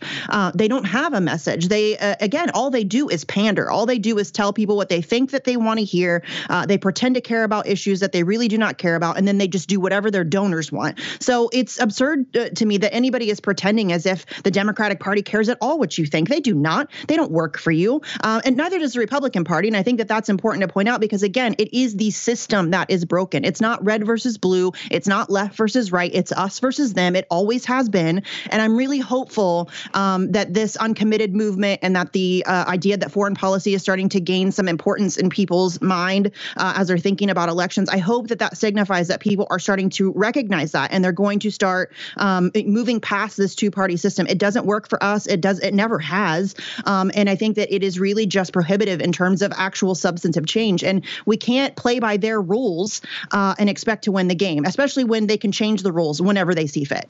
It, Garland, it's the very rich versus the uber rich. Oh, exactly. You know, Misty, I seem to recall um, Nancy Pelosi, you know, just paraphrasing it, but she said something like, you know, if the Capitol crumbles down around us, everything goes to pieces, we'll still support Israel, which is, in fact, simply saying, Gross. doesn't matter if the voters come to us, it doesn't matter yeah. if everything goes bad, we're going to support Israel. And it's also saying, even if it destroys the Democratic Party. Looks yeah. like they're going to get their wish. Looks like he, she's saying if it wipes our party out, if we lose every seat, we're going to support Israel on the way out. The direction that the Democratic Party is going, sure, the Republicans, they'll probably support that anyway. You would expect that of them. But yeah. it looks like the Democrats are moving towards getting their wish. But even though they said that, they want to try to do that, but not get the inevitable outcome. Misty. Hmm. Yeah, it's um, it, it, and she's far from the only person who has said that. I, I, mean, we've heard numerous people in positions of power who have talked about um, their unconditional support for Israel. Joe Biden himself said that if Israel doesn't didn't exist, we would have to invent it. Um, so this is uh, unsurprising, and I think what people need to really, uh, and that isn't really talked about, is people need to really start asking the question why? Why exactly does Israel hold such power over United States elected representatives to the point where they are willing uh, to make such bold statements, where they're willing to li- willing to literally destroy their own party?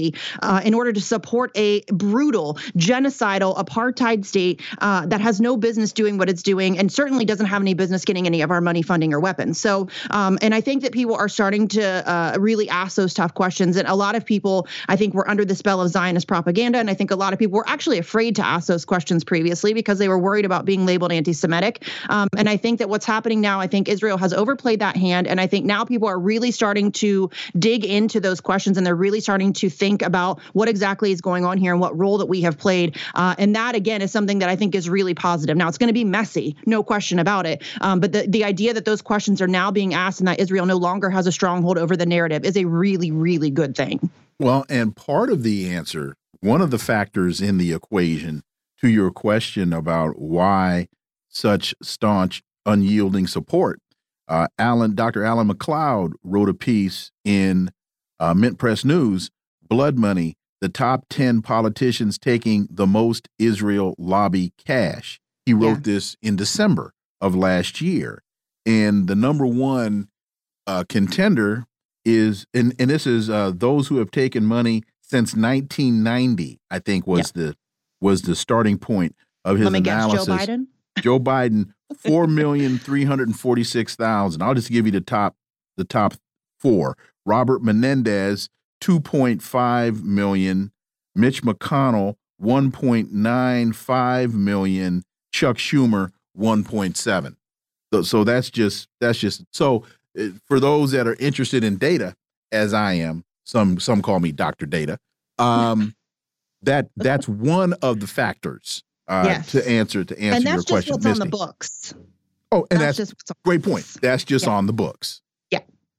Yeah. So there's there's definitely more where that comes from. There's a lot of behind the scenes deals, backroom deals, um, kickbacks and things like that. So yeah, that's just what's on the books. And that is you're absolutely correct. That is absolutely a large part of the problem. Misty Winston, as always, thank you so much for your time. Greatly, greatly appreciate that analysis, and we look forward to having you back. Thanks, fellas. Have a good one. You too. Folks, you are listening to the Critical Hour here on Radio Sputnik. I'm Wilmer Leon. I'm joined here by my co host, Garland Nixon. There's more on the other side. Stay tuned.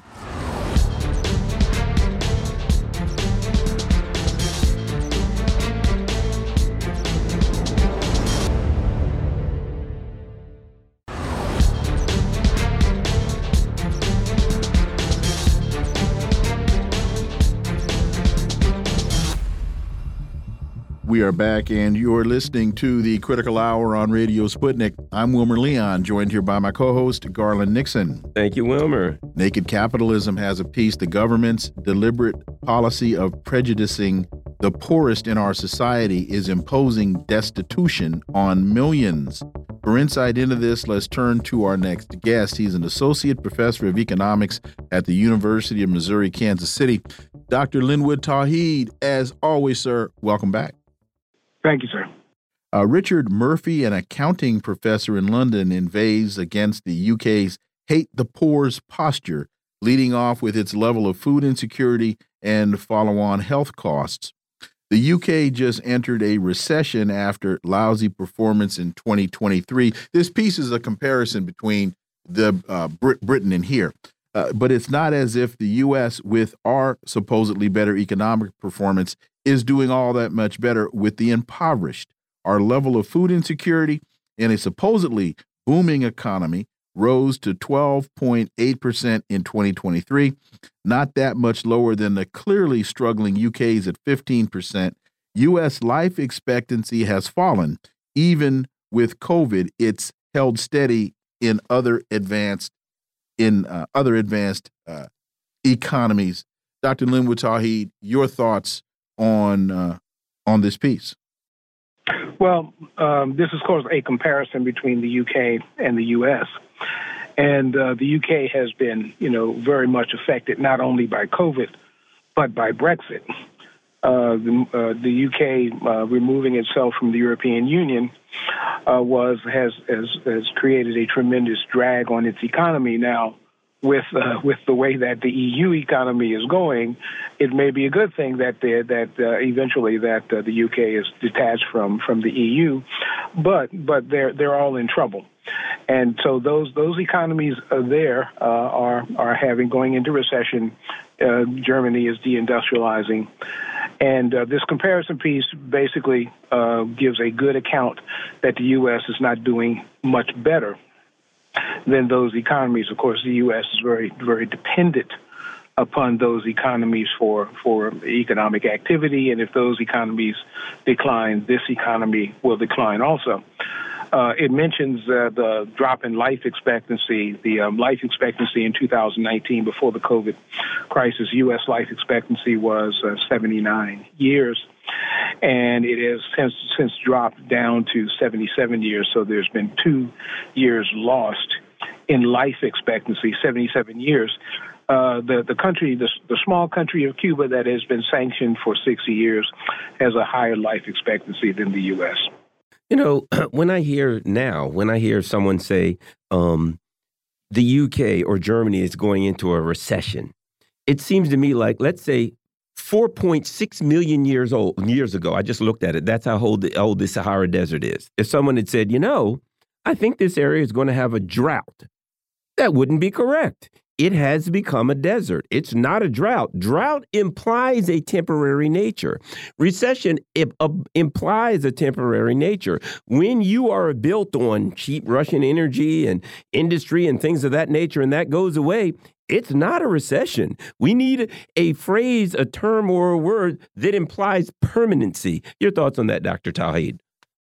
Well, that's a, that's a that's a good point. I don't I don't know that there is such a term. I mean, I was thinking depression, but depressions, uh, you know, they they may last longer than recessions, but but but they're not considered to be permanent. So so that's a that's a that's a good good thought. Uh, maybe maybe we need to invent a, a term for a a um, a permanent decline. Some economists would call this secular uh, decline, uh, but that also implies that it's that it's temporary. No, I, I think the uh, the e, the EU has is very much becoming a a colony of the U.S. And uh, but in, in, that process, and you know, of, of being colonized by the U.S., uh, we we have this conflict between the, the, the, the, former living standards in the in the EU and the declining living standards in the U.S. And uh, neither of them are going to be good for each other. And to that point, Dr. Tauheed, it when they talk about uh, life expectancy, uh, one of the numbers that I always pay attention to is the suicide rate.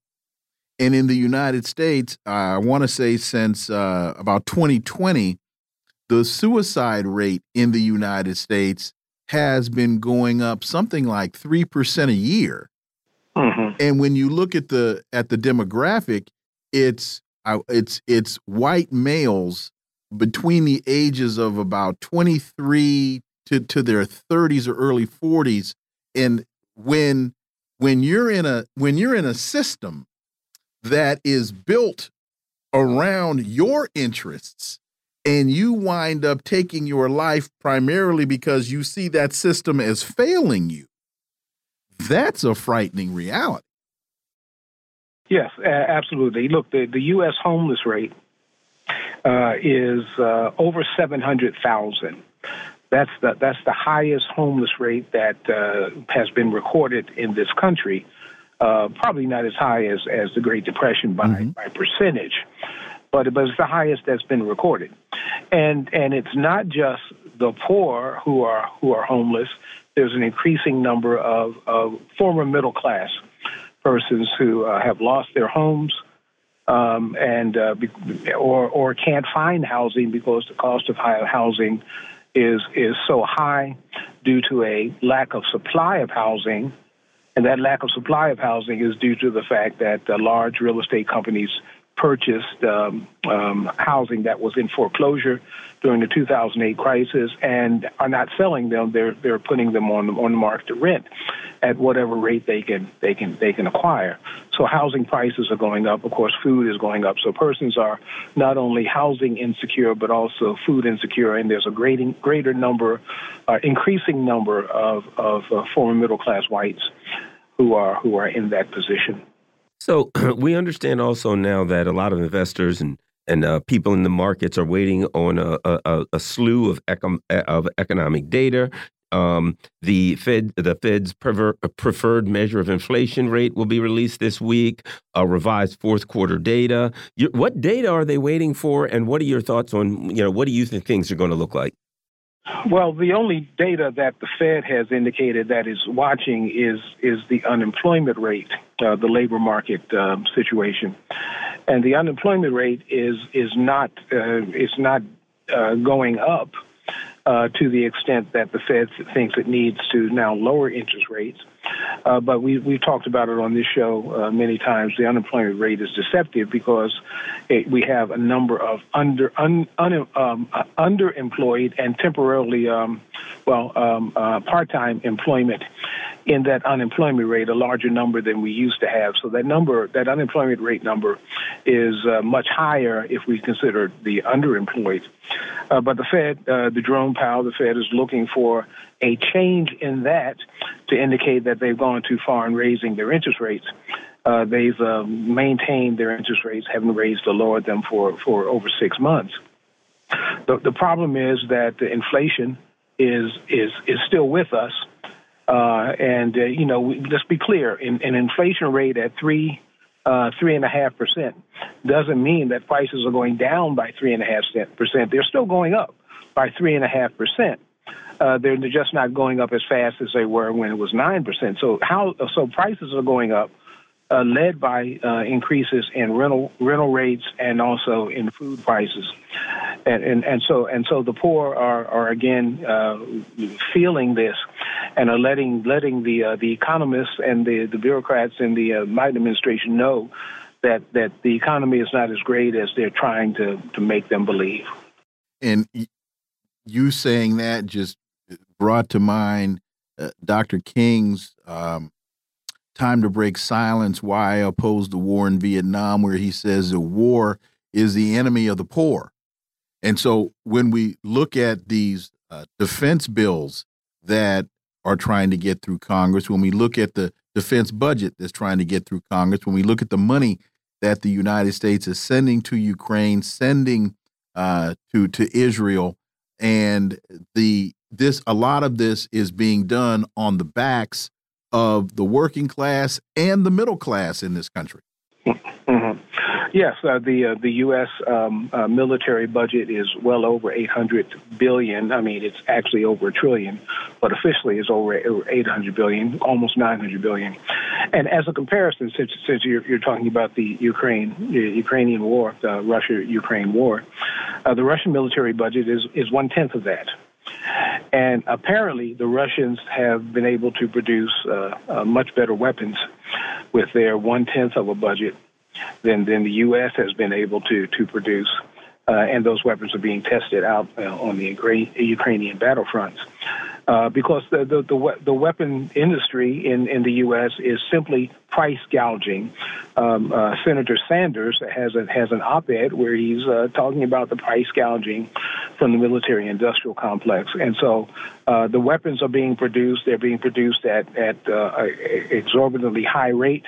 Uh, they don't function, and instead of producing weapons that would function, uh, they are uh, they're they're taking that money from the poor and uh, away from social programs and uh, giving it to military contractors.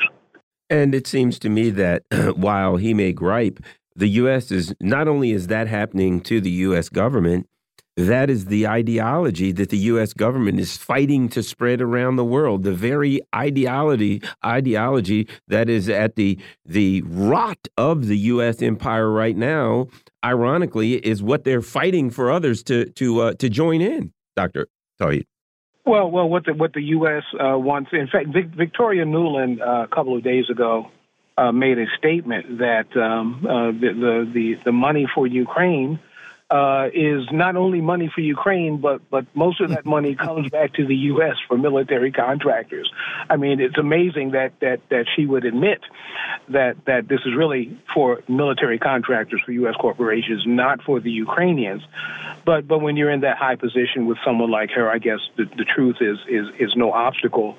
Uh, you just uh, feel that you can simply do and say what you what you what you need to say and and but the, but the American public is not is not fooled by that. Uh, I, I, apparently, any longer, uh, you know, Senator Sanders is talking about price gouging. He's not the first person to do that, uh, but he is breaking, I think, with with uh, the the rest of the Senate and and I think people are are, are that, the American public is realizing that uh, with homelessness and food crisis and, and other kinds of uh, health insecurity, student debt, credit card debt, uh, all these things are, are, indicators of bad economic times for the poor, and the American public is realizing that the money that should be spent uh, on their social programs are being sent to uh, military contractors through Ukraine uh, it goes to Ukraine. It goes goes right to Raytheon. And 30 seconds as we get out, and some of that failed logic. They also try to uh, describe this spending as jobs programs, as they talk about the money coming back to U.S. Uh, military contractors. They try to also put it in the context of jobs programs. Well, it certainly is a profit-making program. Military contractors are are are, are uh, you know enjoying enormous profits uh, from this, and it's been uh, it's been it's been demonstrated time and time again that profits are not reinvested into jobs. Uh, they they go into banks uh, into the bank accounts of the wealthy. Dr. Linwood Tauheed, as always, thank you so much for your time. Greatly, greatly appreciate that analysis, and we look forward to having you back. Thank you, sir. Folks, you're listening to the Critical Hour on Radio Sputnik. I'm Wilmer Leon. I'm joined here by my co host, Garland Nixon. There's more on the other side. Stay tuned.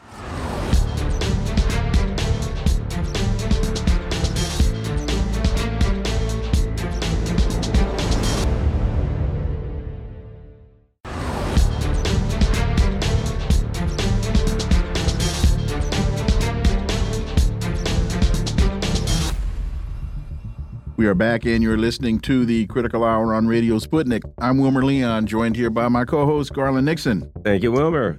Uh, the Washington Post reports the economy is roaring. Immigration is a key reason. Momentum in the job market picked up aggressively over the past year, all while Washington is deadlocked on a border deal. For insight into this, let's turn to our next guest. He holds a PhD in political economy, taught economics at St. Mary's College in California. He's the author of a number of books, including The Scourge of Neoliberalism U.S. Economic Policy from Reagan to Trump. Dr. Jack Rasmus, as always, Jack, welcome back. Glad to join you. So, to the point of this piece, uh, we, we find ourselves embroiled in this border skirmish between uh, the Republicans and the Democrats. Um, and this story, immigration has propelled the U.S. job market further than just about anyone expected, helping cement the country's economic rebound from the pandemic as the most robust in the world. Uh, Dr. Jack, uh, help us with these numbers. And uh, is the reality as it is projected in this story?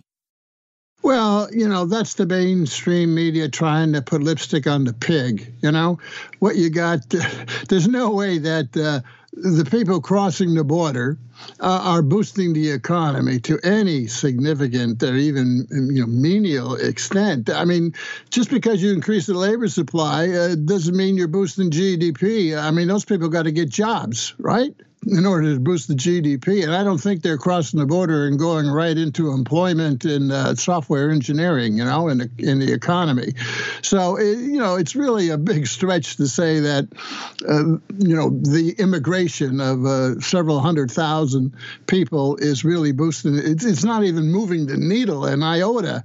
Uh, it's so small, even if they all got jobs uh, at average wages, uh, you know, in the huge American economy of uh, $25 trillion, it, it wouldn't even move the needle, right? So that's obviously a, a, lot of BS going on in the mainstream. It's really a, a cover, an attempt to cover um, the administration's immigration policy or lack thereof by by trying to put a fig leaf on it. Oh, there's some positive about this. It's creating employment, and if you look at the real economy, you know it's not it's not doing as well as they say it is. I mean, we just had new statistics out today that show uh, real business investment and manufacturing continuing to contract.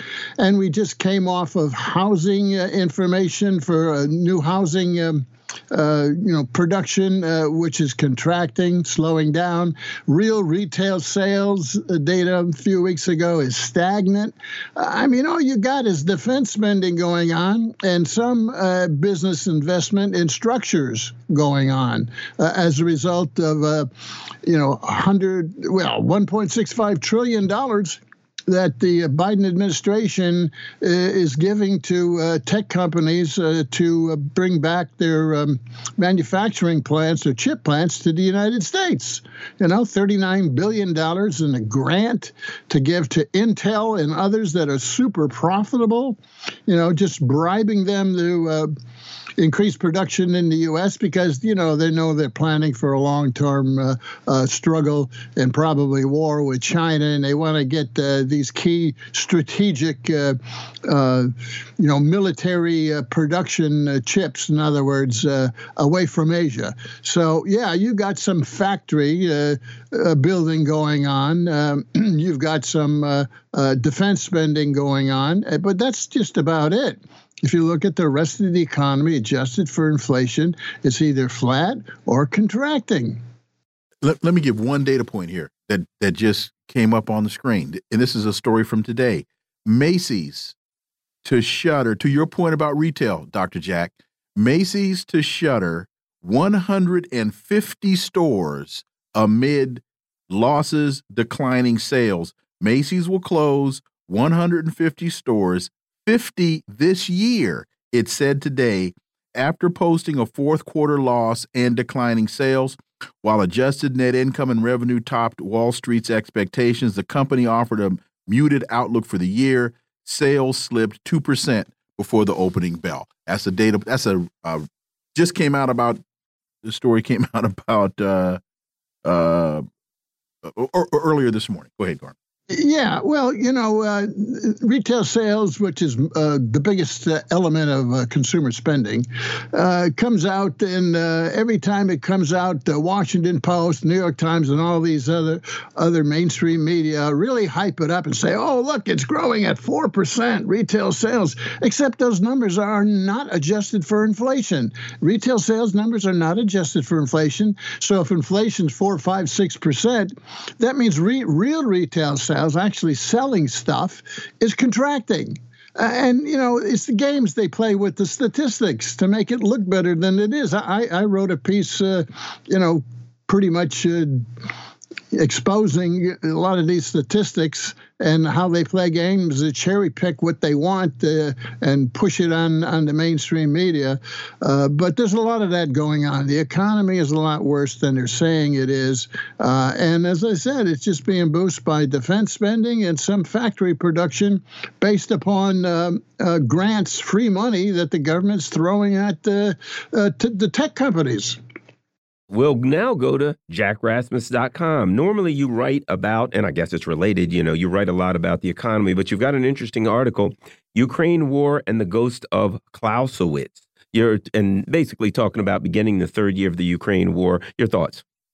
Yeah, well, you know, there's a lot of uh, falsification going on, a lot of ideology falsification going on in the mainstream media about uh, the war in uh, in uh, Ukraine and uh, what's really happening. I mean, I mean, you can't you can't get any idea what's happening with in Ukraine without looking at uh, if you were looking at the mainstream media. So, you know, what I wanted to do was to explain uh, some of these falsifications, and there's a number of them, um, and explain why uh, it appears that. Um, you know, uh, Russia is, was winning, and then uh, Ukraine was winning, and now uh, there's a big offensive going on, and uh, the Russians are driving the Ukrainians back very fast, and a bigger offensive coming uh, very soon in the spring here.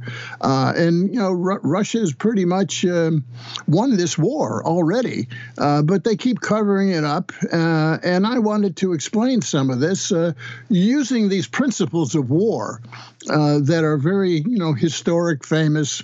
You know, Clausewitz is, uh, you know, famously associated with the principles of war. But, you know, uh, throughout history, uh, you know, from uh, Julius Caesar all the way to uh, uh, Mao and Giap, you know, very clear the principles of war prevail, uh, whatever kind of war it is. So I'm, I'm, using this, you know, educate the public about the what are the principles in war and uh, why these principles of war have been followed by Russia and not Ukraine, and that's why Russia is winning. Uh, and in the course of it, uh, pretty much debunk some of these uh, falsifications about the war uh, that have been occurring for, for two years now. And you you you write, for example, the bigger picture that emerges is that Russian forces have now significantly increased in number all along the Ukraine front, while its initial invasion involved only 190,000 spread across roughly, roughly 1,500 miles.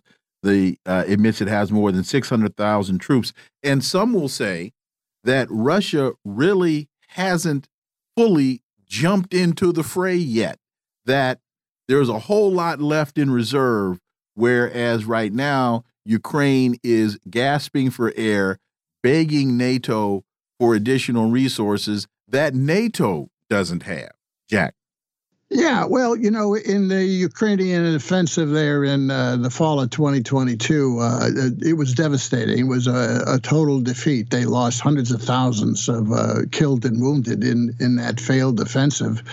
Uh, and um, since then, since the 22, you know, into 23, uh, what you've had is um, Ukraine is struggling. It's running out of manpower, right? It's got uh, uh, plans for recruiting 500,000 more, uh, which they're never going to be able to get. Uh, you know, they're pulling people off the street, kidnapping them, and everything, uh, trying to replenish all those losses from that failed uh, offensive a couple years ago. At the same time, you know, Russia has increased its forces. I mean, right now there's like 600,000 that the Russian Ministry of Defense admits 600,000 Russian troops on the line and maybe 350,000 uh, Ukrainians on the line uh, after their their losses of a couple hundred thousand. They can't recruit anymore. At the same time, Russia's uh, announced um, six months ago that it was uh, recruiting both through volunteers and training another 420,000, and they they haven't even hit the the front lines yet. Uh, and that's why, as they do here in the first half of this year, you will see this uh, uh, big offensive coming probably in the north around Kharkov, but maybe even the south around Zaporozhye. So, uh, I mean, the tide has turned here very clearly. And that's why you got the desperation going on in the EU and in Washington, D.C., and now talk in France and others about, oh, we're going to have to send NATO troops into Western Ukraine. Well, you know, that's the old neocon strategy. When you're losing, you double down. And if your policies aren't working, you just do it twice as hard. Uh, and we're moving into a very dangerous period, I think, as Russia pushes the Ukrainians back uh, significantly and retakes the uh, the provinces there in the east. Uh, that um, the West, the neocons in the West are going to overreact and do something very, very stupid. Uh, and uh, we're on the way to even a worse conflict, I think, if they do. Um, but you know, you got to understand the war and why the outcome is what it is uh, by looking at these fundamental principles of war. I mean, they apply, and they apply here in the Ukraine. And uh, if you look at the principles of war, Ukraine and Ukrainian forces and Zelensky have totally failed to follow the principles of war. And uh, Russia is applying them, and that's why Russia is winning. Well, and you know, you will forgive me if I state the obvious.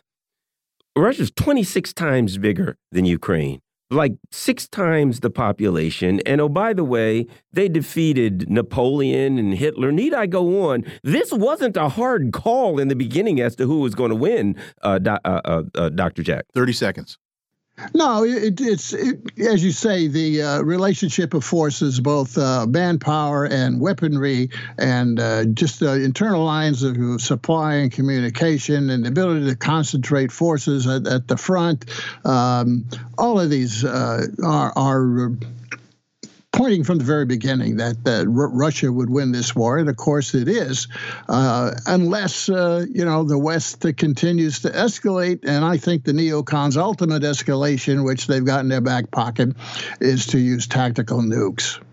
Jack Rasmus, as always, thank you so much for your time. Greatly, greatly appreciate it. We look forward to having you back. Always glad to join you. Hey, Garland, the first rule of war don't start a fight with somebody you know you can't win, you can't beat. And that goes along with don't start nothing, won't be nothing.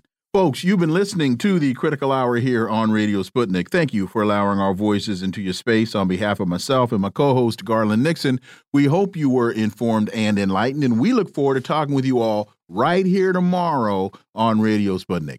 Be safe. Peace and blessings. We're out.